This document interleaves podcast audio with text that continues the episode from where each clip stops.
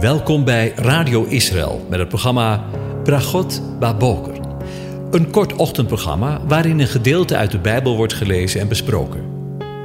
Met Bragot Baboker wensen onze luisteraars zegeningen in de ochtend. Presentator is Kees van de Vlist.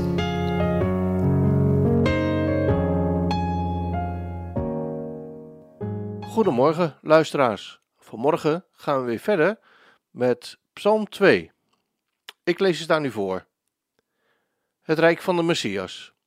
Waarom woeden de heidenvolken en bedenken de volken wat zonder inhoud is? De koningen van de aarde stellen zich op en de vorsten spannen samen tegen de Heere en tegen zijn gezalfde.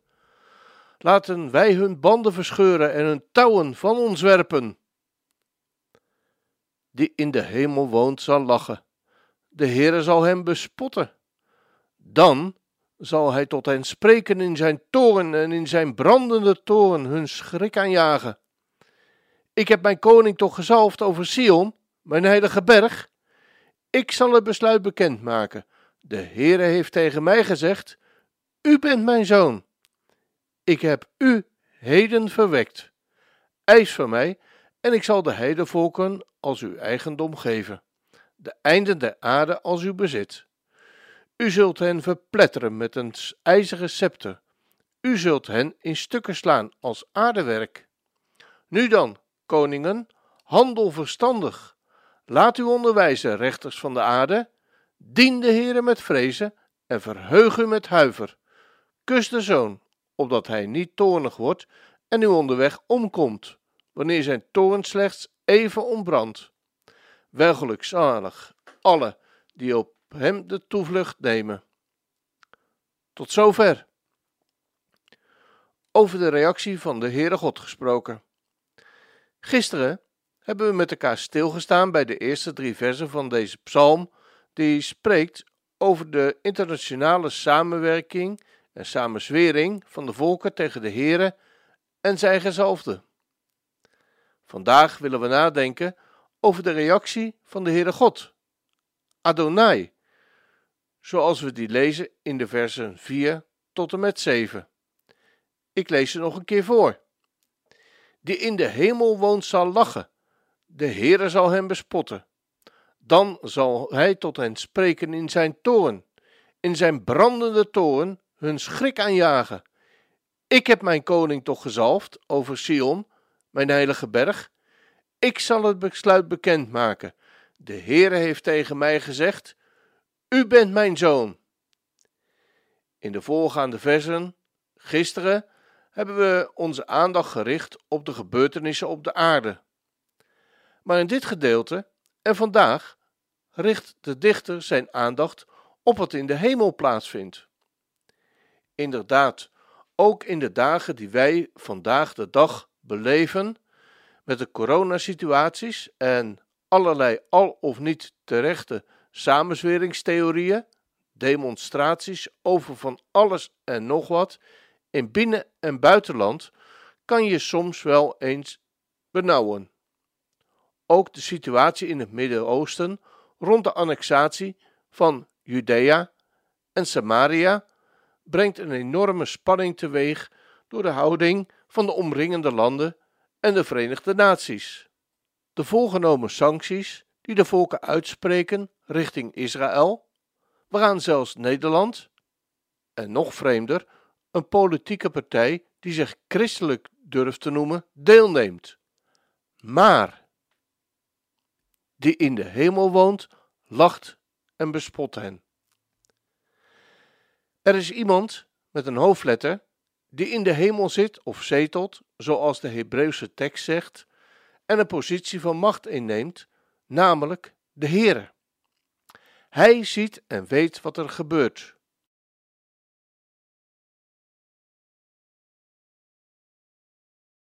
Ook in de soms verwarrende dagen waarin wij ons bevinden, in de dagen waarin wij soms denken wat waarheid is en wat niet. Bij hem loopt niets uit de hand. Het loopt alles volgens zijn plan. Hij staat er letterlijk boven. Want het zitten of zetelen, zoals er in het Hebreeuws staat, duidt op een koninklijke positie. Daarom heeft de nieuwe Bijbelvertaling dit ook vertaald met het woord troont.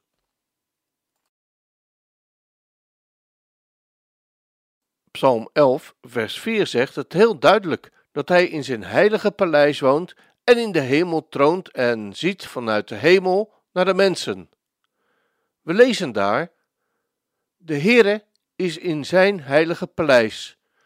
De troon van de Heere staat in de hemel. Zijn ogen doorzien, zijn blikken, letterlijk zijn oogleden, beproeven de mensenkinderen.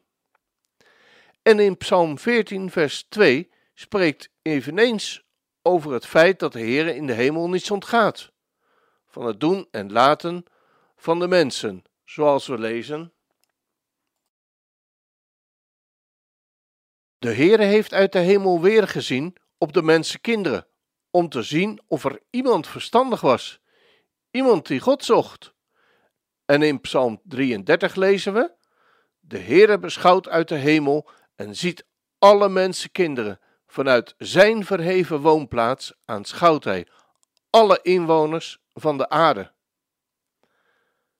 Wat is dat een geweldige troost en bemoediging, dat we weten dat de Heere God, die hemel en aarde gemaakt heeft, niets ontgaat wat hier op deze aarde plaatsvindt.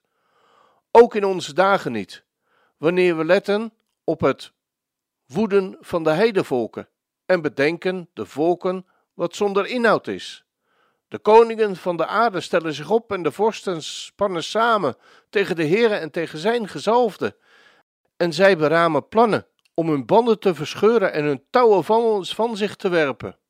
Met andere woorden, ze willen zich losmaken van de Heere.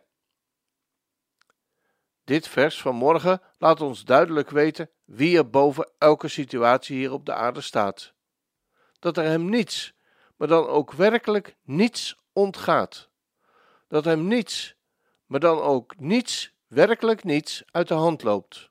Maar dat alles, maar dan ook alles medewerkt ten goede. Wij denken misschien dat het met dit wereldgebeuren helemaal uit de hand loopt. Zeker ook in de dagen die wij nu met elkaar beleven. Maar dan kijken we om ons heen. Maar we worden als kinderen niet geroepen om om ons heen te kijken, maar omhoog te kijken. Zo is het op het niveau van het wereldgebeuren, maar zo is het ook in ons persoonlijk leven, in jou en in mijn leven. Er kunnen soms situaties zijn die ons verschrikkelijk beangstigen. Een verschrikkelijke, dodelijke ziekte die ineens in je leven komt. Of een baan die je verliest. En een zaak waar je jarenlang keihard voor gewerkt hebt en die je zomaar ineens door het coronavirus verliest.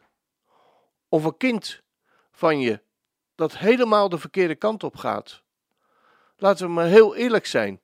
Soms zijn we gewoon bang en maken we ons ook als oprechte christenen anno 2020 zorgen. Ook als kind van God hoeven we ons niet groter voor te doen dan we zijn. Of de schijn op te houden dat het allemaal geweldig met ons gaat. Soms is het leven ook hard en moeilijk en soms bijna letterlijk ondraaglijk. Maar weet je, er is sprake van een maar, want dan zien we op de omstandigheden. Want dan wil ik je de woorden van zojuist in herinnering roepen. Wat is dat een geweldige troost en bemoediging, dat we weten dat de Heere God, die in de hemel en de aarde gemaakt heeft, niets ontgaat wat hier alleen op deze aarde, maar ook in jou en in mijn kleine leventje, persoonlijke leventje plaatsvindt. Hij ziet je, hij kent je, door en door, beter dan je jezelf kent, want hij heeft je notabene gemaakt. In dit verband wil ik als bemoediging eindigen met de woorden uit Romeinen 8. En als we goed luisteren, horen we daarin ook de woorden van Psalm 2. Maar eveneens de dagen die wij vandaag beleven en daarin doorklinken.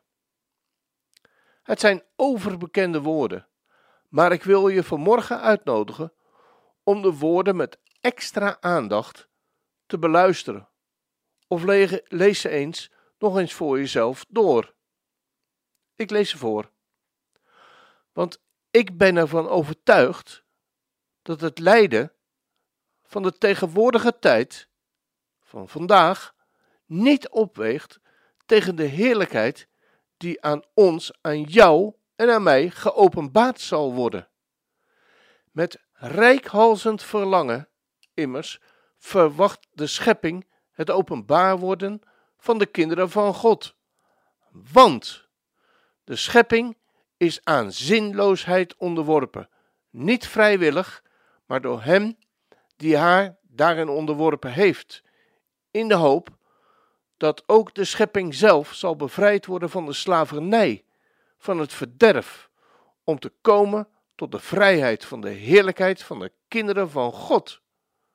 Want wij weten dat heel de schepping gezamenlijk zucht en gezamenlijk in badensnood is en verkeert tot nu toe. En dat niet alleen, maar ook wij, wij zelf, die de eersteling van de geest hebben, ook wij zuchten, wij zelf zuchten in onszelf, in de verwachting van de aanneming tot kinderen, namelijk de verlossing van ons lichaam. Want in de hoop zijn wij zalig geworden. Hoop nu, die gezien wordt, is geen hoop. Immers, wat iemand ziet, waarom zou die het nog hopen? Maar als wij hopen wat wij niet zien, dan verwachten wij het met volharding. Letterlijk, geduld, volharding, uithoudingsvermogen, standvastigheid. En evenzo komt de geest onze zwakheden te hulp, want wij weten niet wat wij bidden zullen zoals het behoort. Maar de geest zelf echter pleit voor ons. Dat is geweldig. De geest zelf echter pleit voor ons met onuitsprekelijke verzuchtingen. En hij die de harten doorzoekt, weet wat het denken van de geest is, omdat hij naar de wil van God voor de heilige pleit. En wij weten dat voor hen die God liefhebben, alle dingen, alle dingen meewerken ten goede. Voor hen namelijk die overeenkomstig zijn voornemen geroepen zijn. We sluiten af met het volgende oude lied, wat nog niets aan kracht heeft ingeboet. Nooit kan geloof te veel verwachten. Des heilands woorden zijn gewis. Het faalt aardse vrienden vaak aan krachten, maar nooit een vriend als Jezus is. Wat zou ooit zijn kracht beperken? Het heelal staat onder zijn gebied. En wat zijn liefde wil bewerken, ontzegt hem zijn vermogen niet. Die hoop moet al ons leed verzachten. Kom, reisgenoten, het hoofd omhoog. Voor hen die het heil des Heren wachten, zijn bergen vlak en zeeën droog. O zaligheid, niet af te meten, o vreugd die alle smart verband. Daar is de vreemdelingschap vergeten. En wij? Wij zijn in het vaderland. We gaan luisteren.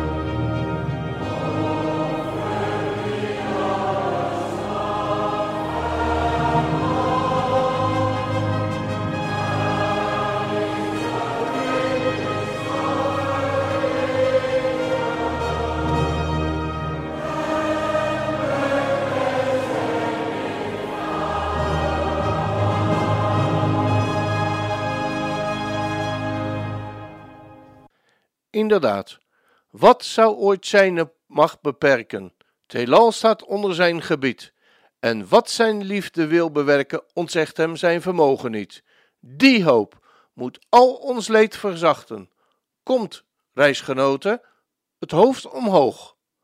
Voor hen die het heil des Heren wachten, zijn bergen vlak en zeeën droog. Ik wens je een van God gezegende dag toe.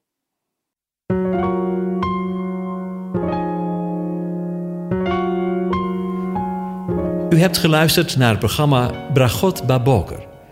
Een kort ochtendprogramma waarin een gedeelte uit de Bijbel wordt gelezen en besproken. Wilt u het programma nog eens naluisteren, dan kan dat. Ga naar radioisrael.nl en klik onder het kopje radio op Uitzending gemist.